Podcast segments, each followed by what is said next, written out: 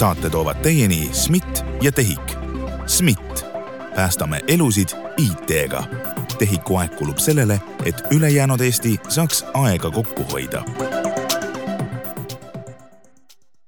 tere, head kuulajad käes on kriitilise intsidendi aeg, ehk siis äh, taaskord on põhjust meil vaadata ja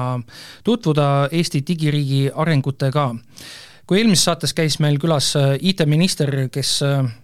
natukene puudutas neid teemasid, mida siis valitsus järgmise nelja aasta jooksul tegema hakkab. Ja,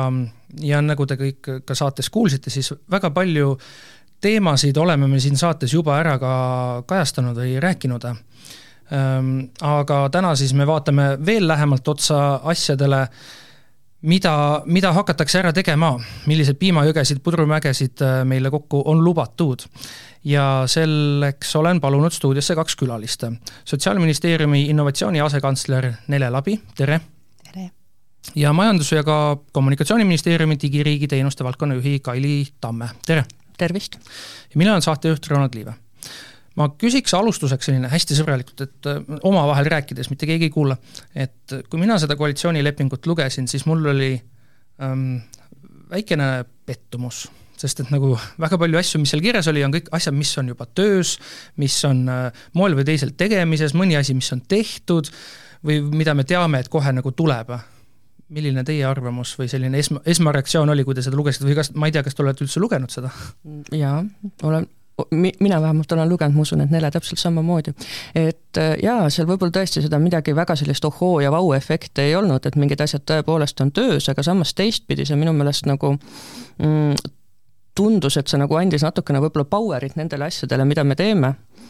võiks nagu juurde anda, et me ikkagi liigume võib-olla nüüd selles, selles suunas, et milline on ka poliitiline tahe, nii et ma arvan, et see on pigem, pigem positiivne. ja noh, lõpuks on ju ka see, et ega lõpp, päris sihtpunkt ei ole ju koalitsioonilepingusse kirjutatud, et eks lõpuks see, ma ei tea, taevas ongi nagu see unistuste piir enam-vähem, et mis me lõpuks ära teeme.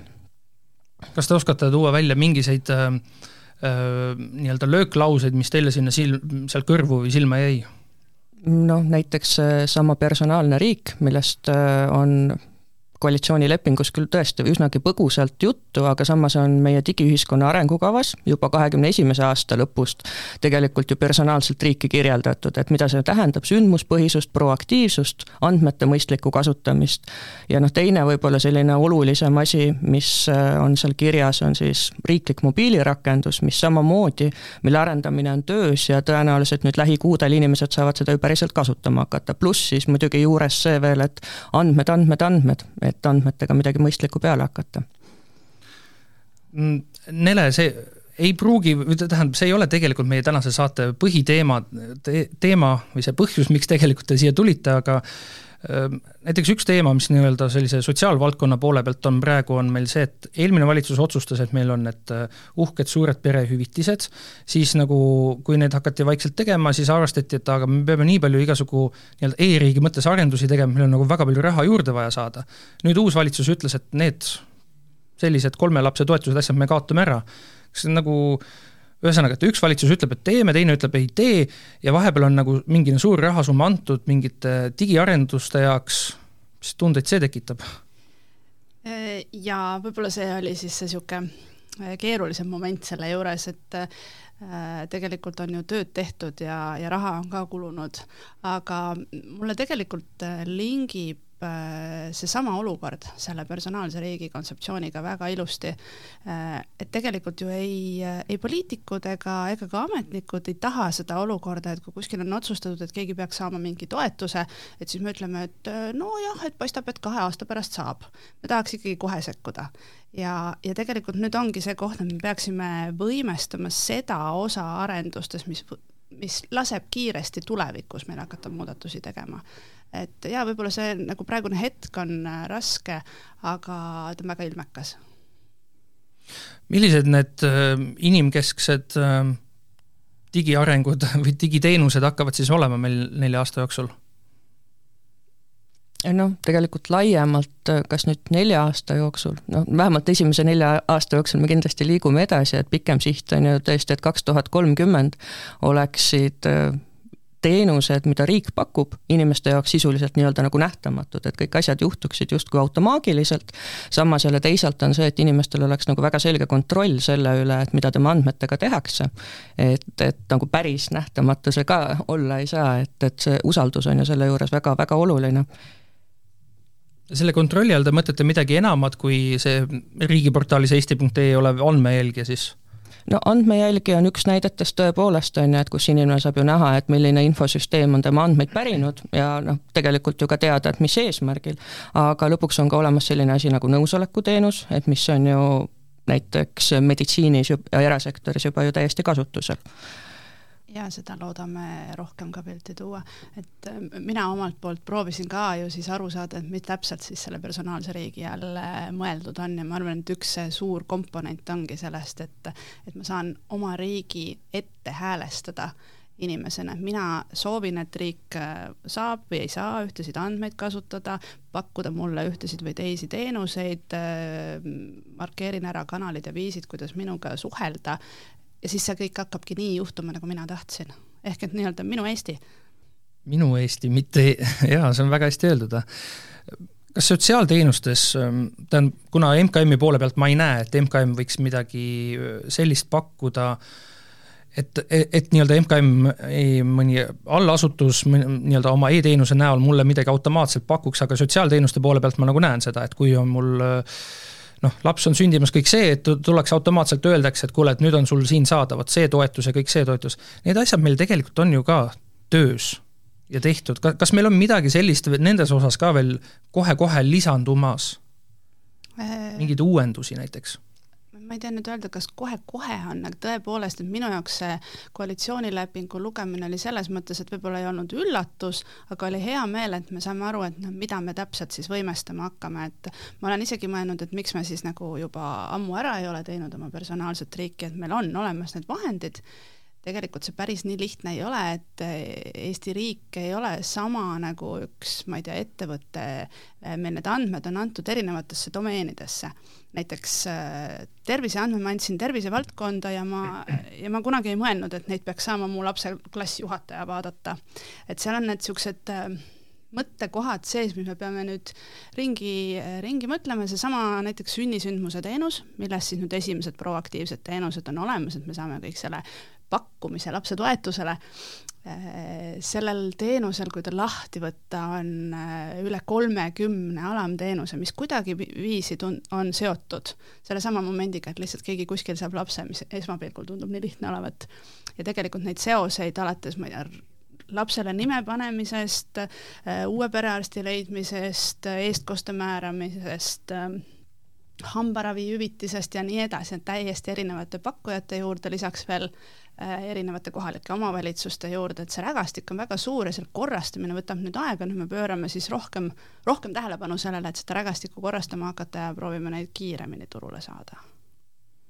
tegelikult selle proaktiivsuse, võib-olla sündmuspõhisusega seoses, et jah, et et üks pool ongi need nii-öelda sotsiaalvaldkonna teenused, kus tõesti inimene võib-olla saabki mingisuguse päriselt nagu materiaalse hüve, on ju, on üks variant. aga või teenuse. või teenuse, just nimelt. aga tegelikult ju see lähenemine on oluliselt laiem, et noh, me MKM-is tegelikult ju üldse veame seda sündmuspõhisust ja proaktiivsuse nii-öelda juurutamist riigis ja tegelikult ega meie enda haldusalas samamoodi on ju selliseid potentsiaalseid selliseid teenuseid, mis saaksid olla proaktiivsemad võib-olla, kui nad praegu on olnud oluliselt rohkem, ma ei tea, võib-olla üsna niisugune meelevaldne näide, aga ma ei tea, näiteks kui väikelaeva omanikuks inimene saab või, või ta teeb endale väikelaeva juhiload, et tegelikult seal on samamoodi päris palju asjaajamist riigiga, aga me saame seda kõike lihtsustada või üldse auto juhtimisõigusega seoses, et seda lihtsustamismomenti on nagu väga-väga-väga paljudes kohtades, et kas või ju eelmise aasta lõpus, mis esimene elusündmusteenus, mis ju inimestele kättesaadavaks, esimene etapp sellest, mis läks, oli abiellumine, on ju, et üldse mitte selline selles mõttes sotsiaalvaldkonna teema, vaid lihtsalt üks väga tore elusündmus, kus on hästi palju bürokraatiat praegu. tahtsin küsida veel seda, et ähm, see mm, lapse sünnisündmusteenus, see on nagu enam-vähem nüüd olemas või sellest on alles esimene etapp realiseeritud. sellest on esimene etapp, aga jah, ma tahtsin, ma tahtsin oma küsimusega jõuda sinna, et äh, enne lapse sünni juurde jõudmist on see, et võetakse naine siis rasedana arvele. kas praegu meil sellist automaatset liidestust siis kuskil selles proaktiivses teenuses ei ole, et kui võetakse rasedana arvele, et siis kohe tuleks kuskilt eesti.ee-st nagu, et palju õnne ja näed, vaata, siin sa saad juba tutvuda kõige sellega, mis sind hakkab ees ootama põhimõtteliselt nii-öelda palju õnne, et ei tule vist jah, aga äh, tuleb seesama äh, eeldatava sünnikuupäeva saatmine siis sotsiaalsüsteemi tekitabki meile selle, et me saame teada, mis toetused meil ees on ja need siis pakutakse automaatselt, palju õnne sealjuures ei ole. Äh, ja mis me siis sügisel äh, laivi panime just selle sünnisündmusega seoses, ongi nagu ajaskaala peal saab vaadata, et mis asjad mind ees ootab, millal ma midagi peaksin tegema hakkama, millal ma peaks arsti juurde minema, millal on üks kontrolliaeg, millal paned, otsid lasteaia kohta, et see on nüüd ähm, üsna kenasti visualiseeritud, nii et sa saad kerida mööda seda aega ja aru saada ja märkida sinna sisse ka oma lapse äh, kuupäeva, vaadata, et noh, et, et ahah, et kuna tema sünnib sellel kuupäeval, siis ma, ja siin on vahepeal suvepuhkused, et võib-olla siis peaks midagi tegema mais. Äh, et see on niisugune see esimene etapp, mis praegu laivis on ja lisaks on seal siis tõesti päris palju selgitavaid artikleid erinevatest, nagu ma ütlesin, siin on vist seitse erinevat asutust pakud, pakuvad mingit seotud teenust, äh, et kuidas see kõik käib, mis need nüansid on, on lihtsasse, lihtsasse keelde ühte kohta kokku toodud, et ei pea otsima mööda ilma ringi. kas ähm, on teil statistikat, jah, ma tean, praegusel hetkel mitte, aga üldises mõttes on teil statistikat, kui palju sellist äh, lahendust kasutatakse? Kas inimesed on selle üles leidnud? mina praegu ei tea statistikat peast äh, öelda ja äh, me tegime küll niisuguse väikse tutvustuse, aga noh, see on jälle selline teenus, et ei ole mõtet üle Eesti kõigile inimestele äh, teavitada, et nüüd saab lapse sünniga seotud sündmuste kohta lugeda, et tuleb sihtrühma tabada ja, ja peamine rõhk läheb siis ikkagi siit ämmaemandate ja arstide kaudu, et nemad on kõik teavitatud ja klikiarvu ma ei oska praegu öelda. Sa ka ei oska? ma ühte numbrit tean, aga see vist on vananenud, nii et kuna igapäevaselt see külastajate hulk suureneb, siis äh, võib olla nii, et äh, täna on ainult äh, mõni tuhat inimest näinud, aga, aga, aga homme juba kümme tuhat inimest, jah? ei, tegelikult oli see üle kümne tuhande oli juba üsna, üsna alguses, ma arvan, et jaanuaris-veebruaris, et see ju detsembri lõpus, detsembri viimastel päevadel läks see teenus püsti, aga jah, kuskil jaanuaris või veebruaris oli üle kümne tuhande külastuse juba. Jah, ma ikkagi ütleks, et tegelikult on oluline see, et need õiged inimesed seda mhm. loeksid seal, et mitte niisama, no niisama huvi pärast võib ka loomulikult lugeda tuues need õiged inimesed sisse ja natukene seda personaalset riiki ja, ja sellist proaktiivsust, ma lähen oma küsimusega aastaid tagasi nüüd. aastaid tagasi meil oli, tehti teise pensionisamba reform, ehk siis raha lasti vabaks. ja, ja see mulle isiklikult, ma ütlen käsi südamel, see on minu enda isiklik arvamus, jäi sellest mulje, et äh, osadel eestlastel on selline kasine finantskirjaoskus. samas meil on tehisintellekt, meil on see, see bürokraat, meil on kõik igast need asjad, kas kuskil sinna personaalsesse mm, riiki võiks ära mahtuda ka selline teenus, mis, mis vaatabki kodaniku sissetulekuid, väljaminekuid, ja siis kuskil paneb punase lipukese näiteks kohalikus omavalitsuses tööle, et näed, et vot sellel leibkonnal on ähm, kaks täiskasvanut, kellest üks käib tööl, aga neil on kolm last, kõik käivad lasteaias, see kohatasud, kõik, kõik asjad me näeme, et neil on nagu finantsiliselt on raske, aga nad ei ole kohalikku omavalitsusse jõudnud, et abi küsida. kas selline proaktiivne e-teenus võiks meil olemas olla kunagi? Ja ma arvan, et äh, siin on palju nüansse, mis tuleb ennem kokku leppida, et kuidas me täpselt seda teeme äh,. ja selle personaalse riigi puhul üks eeldustest on kindlasti usaldus kodaniku ja riigi vahel. see usaldus tähendab ka seda, et mul kodanikuna peaks olema õigus siis välja lülitada, mina ei taha personaalset riiki näiteks, et ma tahan minimaalset riiki võib-olla äh,. ja nüüd, äh, mis puudutab näiteks lapsi siis see on see koht, kus ilmselt riigi ja ühiskonnana me tahaksime sellest isiku otsustusest siiski teatud tingimustel saada üle vaadata, et kui kuskil hakkavad lapsed ohtu jääma, andmed meile tegelikult annavad seda teada, äh, siis tõepoolest, et kohaliku omavalitsuse sotsiaaltöötaja saaks vaadata, et kas äkki oleks vaja aidata. et nii-öelda break the glass äh, mõnel juhul peaks, peaks olema võimalik, sest muidu meil ei ole kõigist neist andmetest kasu, et me tegelikult tahame ühiskonna ja, ja meie inimeste elukvaliteeti paremaks muuta. Äh, jah, ja mingisugused allaandmised siis äh, tuleb teha, aga, aga ma arvan, et see tänapäeva tehnoloogia võimaldab ka seda, et kui me muidu oleme mõelnud, et ma ei taha, et kuskil on keegi, kes käib mööda kogu minu andmerida, vaatab seda otsast lõpuni ja siis teab kõike minu kohta, siis äh,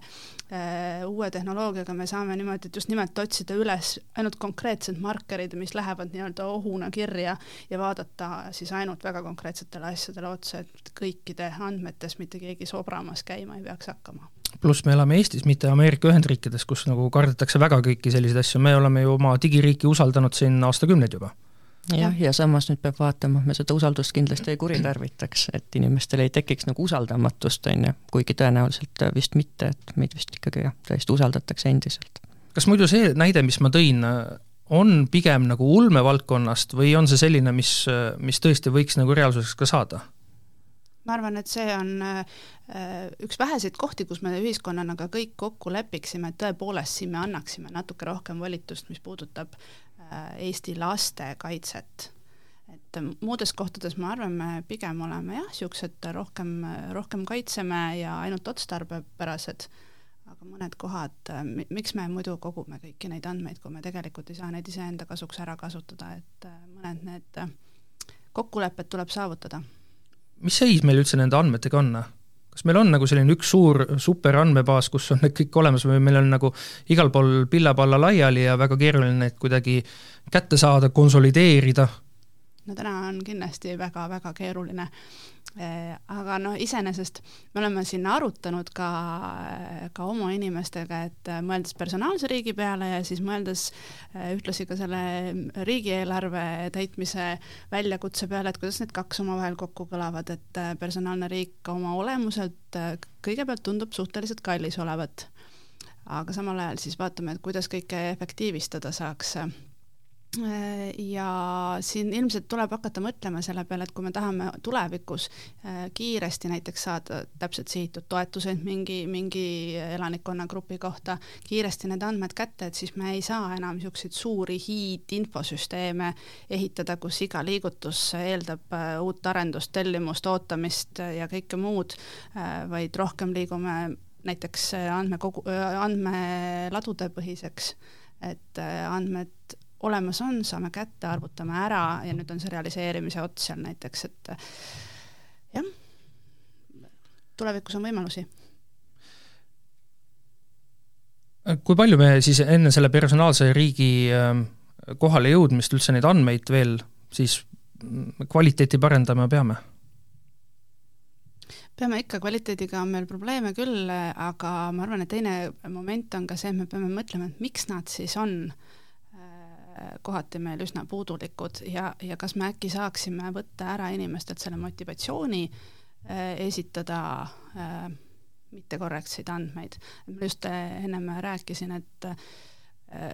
viimati, kui me soovisime saata inimestele ühte teadet Sotsiaalkindlustusameti kaudu, siis näiteks üleüldse e-posti aadressid olid seal circa kaheksakümnel protsendil inimestest ja siis neist veel viiel protsendil olid needki vigased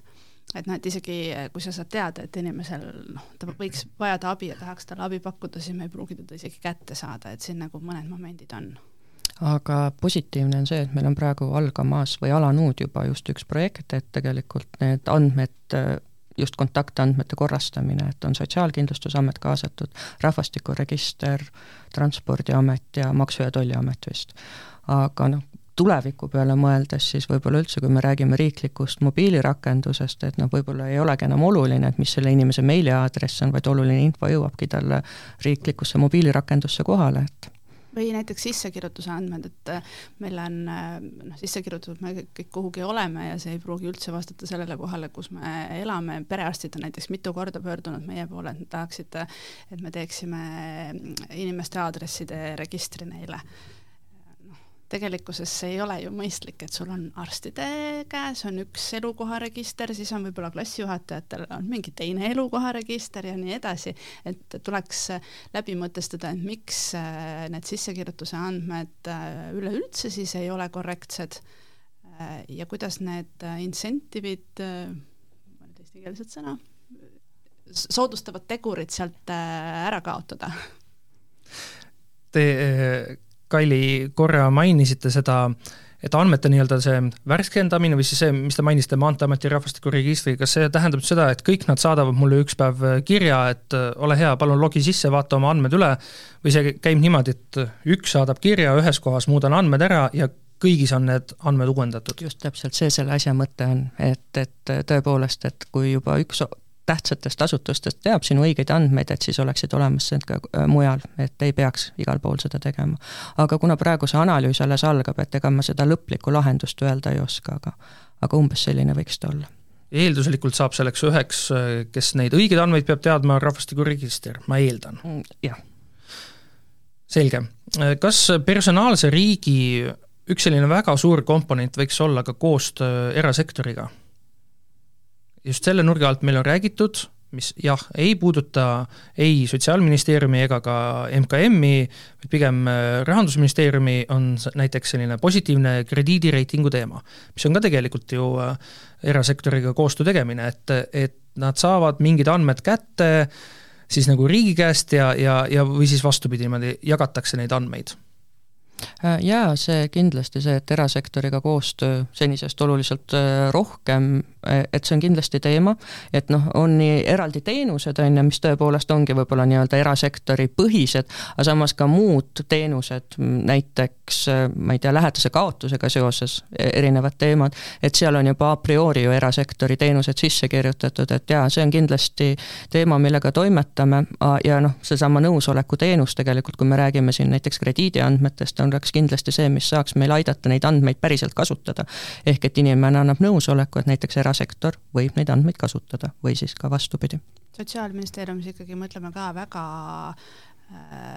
laia skoobiga selle peale, et, et milliseid teenuseid võiks tegelikult äkki ikkagi eraturg pakkuda, me näeme, et me pisike riik ei jõua kõike ära teha, mis head mõtted on olemas, et äh, laiendada seda võimalust ja teine asi, nagu päriselt on koalitsioonileppes ka üks punkt, kus äh, kui see realiseerub, siis riik hakkaks kasutama erasektori andmeid selleks, et avalikku teenust osutada. toimetulekutoetuse automatiseerimine.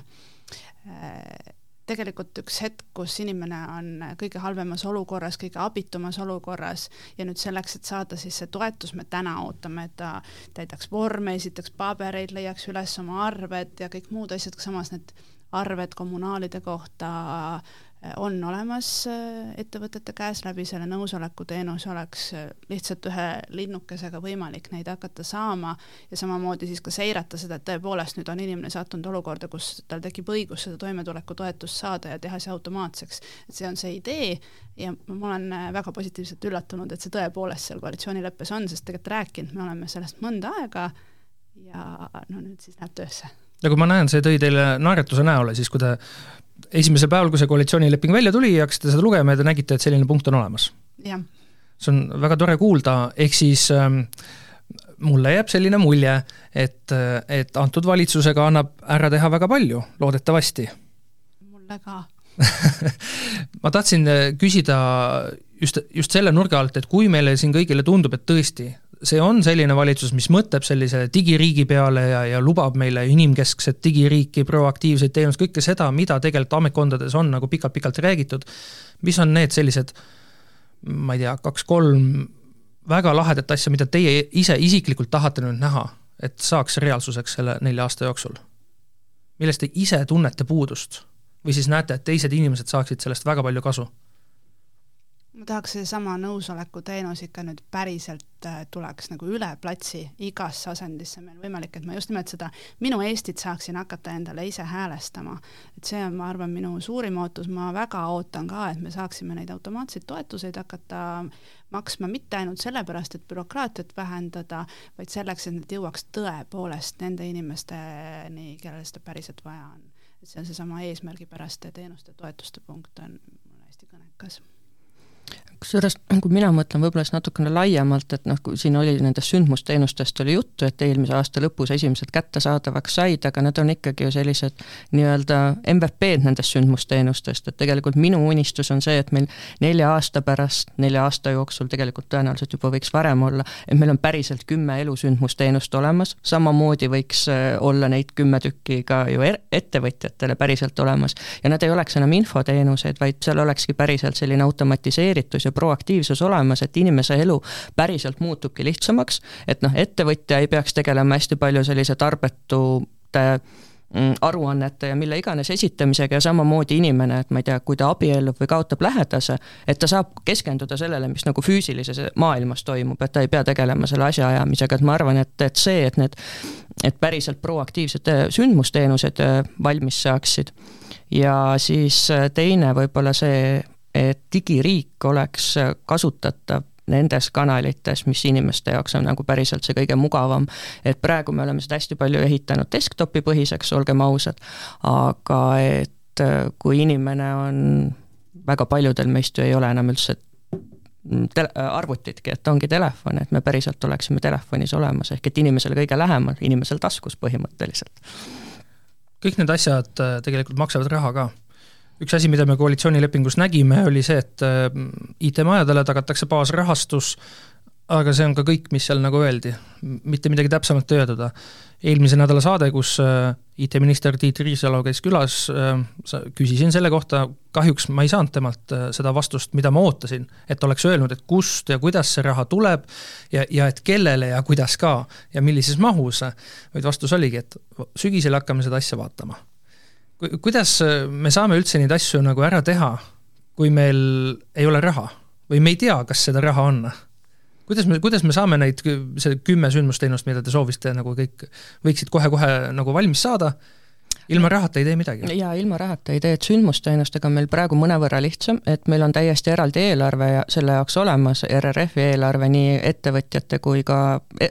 eraisikute jaoks. aga noh, lõpuks on ka ju see, et nüüd kaks tuhat kakskümmend viis lõpeb see rahastus ära, et siis tuleb ju kuidagi edasi liikuda, et selles osas meil veel pikka plaani ei ole. aga iseenesest ju, mis riigis kasutada on, on ju SF raha ja riigieelarve. aga lõpuks ongi see, et ega raha kuskilt väga palju juurde ei tule, et võib-olla on ka see, et see olemasolev olev raha, mis on, et seda võib mõnevõrra mõistlikumalt kasutada võrreldes võib-olla praegusega ja lõpuks on ka ju see, et kui me uusi asju ehitame, et mingil hetkel peaks vanu asju kinni ka hakkama panema, et kui me ehitame seda digiriiki nagu järjest nagu korruseid peale, korruseid peale, et kas sellel tegelikult on mõte, et lõpuks me ulatume küll kuuni, aga minu mõte ka, et see tegelikult tuleb prioriseerida, mida me selle rahaga teeme. Ja mulle väga meeldib, et seal on sõnastatud just nimelt seda baasrahastuse suurendamist, et ähm, ja neid ägedaid arendusi tuleb ka teha, äh, need on sisupunktides kirjas, on ju, aga see annab ka selle, et ähm, ma toon näite, meie pensione äh, makstakse täna infosüsteemist, mis ehitati aastal kaks tuhat üks, ma, minu arvutis oli floppy disk siis veel. et nendega tuleb tegeleda, just nimelt nad tulebki kinni panna, selleks on vaja need uued lahendused luua, et me saaksime siis nagu hakata andmeid päriselt ja normaalselt kasutama, mingeid järeldusi nende pealt tegema. selleks, et see baasrahastuse suurendamine seal punktina on, mulle küll väga rõõmus, ma tahaks ka väga teada, kuidas ta realiseerub. aga kuidas nende, näiteks nende pensionite puhul on, et kas kes selle otsuse ja kuidas peab vastu võtma, et me nüüd näiteks selle infosüsteemi, mis on aastast kaks tuhat üks, selle me paneme kinni ja me loome mingi see uue kus on juba näiteks tehisintellekt on sees, mis käib, loeb meie uudiseid või vaatab kuskilt, kuskilt mujalt andmetest, et no vot, see isik sai nüüd selleks olümpiavõitjaks, talle peab nüüd seda pensioni ka maksma või seda toetust maksma. et kes sellise otsuse üldse vastu võtab?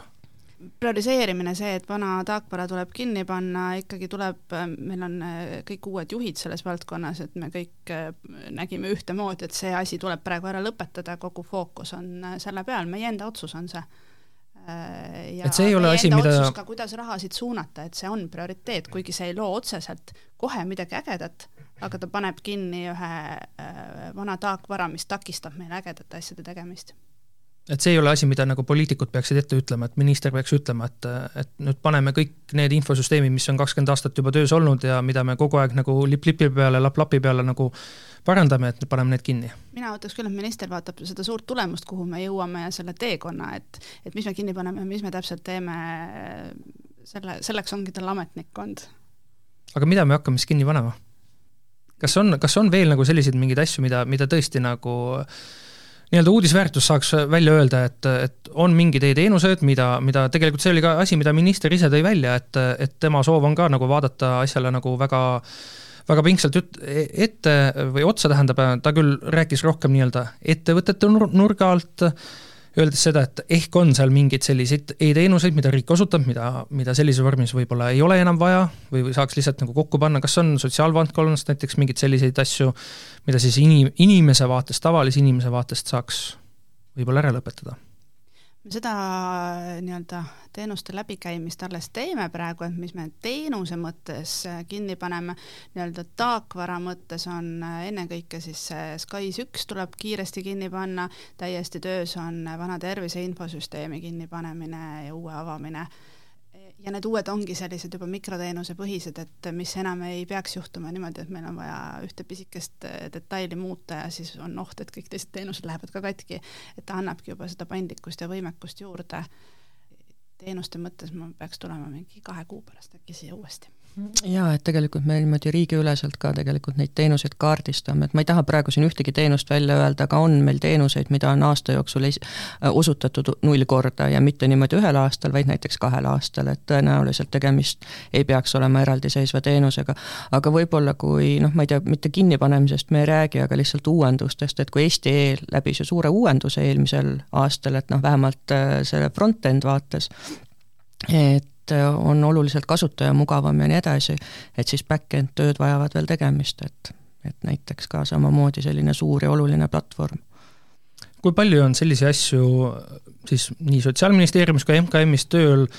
mis on noh, me oleme siin rääkinud väga paljudest asjadest, mida me, mida me teame või noh, mida selle saate kuulajad teavad, et kohe-kohe on tulemas. kui palju on selliseid asju, millest ei taha või ei saa veel rääkida, aga tegelikult on nagu vot nii vinged ja huvitavad asjad või meil polegi midagi vinget huvitavat tulemas? no asjad, millest äh, väga julgesti meil ei räägita, on seesama ai kasutamine nüüd äh, kohtades, kus on meil juba natuke delikaatsemad andmed. sinna kergekäeliselt ei minda, see ei tähenda, et neid mõtteid ja plaane siiski ei tehtaks, teadlastega ei arutataks, aga et näha, me täna ei taha öelda, et jaa, et äh, ai hakkab terviseandmeid vaatama. see ei tähenda, et me ei mõtle selle peale vähemalt on hea kuulda, et äh, meil riik ei mõtle tehisintellekti mõttes ainult sellele bürokratile, vaid, vaid neid äh, väljundeid ja suundi võib olla rohkemgi veel. jaa, need, neid on kindlasti ja, ja ma arvan, et see teekond, mis me teeme, on kindlasti selle nurga alt, et esialgu me kasutame äh, tehisintellekti abi nii-öelda toetavana, ehk et olulistes kohtades meil ikkagi jäävad noh, ma ei tea, arstid öö, otsuseid tegema, aga vähendada siis öö, sellist bürokraatlikku tööd, andmete läbitöötamist, järeldustele jõudmist, et, et selles osas on see kiiremini võimalik ja, ja tegelikult kogu andmete maailma mõistes, et tegelikult MKM ju selles mõttes veab hästi tugevalt eest, et kogu see andmehaldus muutus, muutuks riigis oluliselt äh, nutikamaks ja paremaks, et noh, tõesti see bürokraat on ainult üks, üks võimalikest väljunditest, kuidas andmeid, andmeid kasutada saab, nii et et see on oluliselt komplekssemalt on laual. ma küsiks lõpetuseks niimoodi, et kas teie isiklikult usaldate Eesti digiriiki? kõiki neid äh, erinevaid andmebaase, kus need andmed on, äh, meil mõni aasta tagasi oli näide, kus dokumendifotod läksid liikvele, kas sellest hoolimata teie isiklikult usaldate digiriiki? mina kindlasti, täiesti kindlasti, sellepärast et ainuüksi ju see, et kui midagi juhtub, noh, kas või seesama dokumendifotode teema, et me ju ei peida seda kuidagi vaiba alla, et sellest räägitakse. minu meelest on juba ainuüksi see tekitab, tekitab usaldust, et jah, võib-olla kõik ei ole alati kasutajamugav, absoluutselt nõus, et eks ma isegi olen vandunud mingisuguseid teenuseid kasutades, et jumal, jumal, et miks see niimoodi peab olema lahendatud, aga usaldus on mul kindlasti, ma arvan, et sada protsenti minul ka absoluutselt ja, ja mul käib äh, väga palju, käib äh, Eestis ju välismaalasi ennekõike just meie tervise infosüsteemiga tutvumas ja siis saab neile aeg-ajalt ka näidatud kõiki neid võimalusi, mitte ainult tervisega, aga ka muuga seoses. ja tihtipeale vangutavad nad pead ja mõtlevad, et issand, et noh, tõepoolest teil on nii äge, aga kuidas te ikka usaldate ja minu vastus on, et ma ei kujuta ette, et mul ei oleks seda suured tänud äh, Sotsiaalministeeriumi innovatsiooni asekantsleril Neile Labi ja Majandus- ja Kommunikatsiooniministeeriumi digiriigi teenuste valdkonna juht Kaili Tamm, et jõudsite stuudiosse leidsite aega meiega suhelda. head kuulajad, selline saigi meie sellenädalane saade, järgmine nädal on juba uued teemad, mina olin saatejuht Ronald Liive ja kohtun teiega uuel nädalal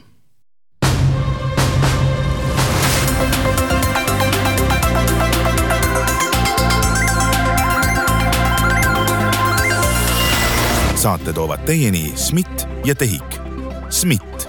päästame elusid IT-ga. tehiku aeg kulub sellele, et ülejäänud Eesti saaks aega kokku hoida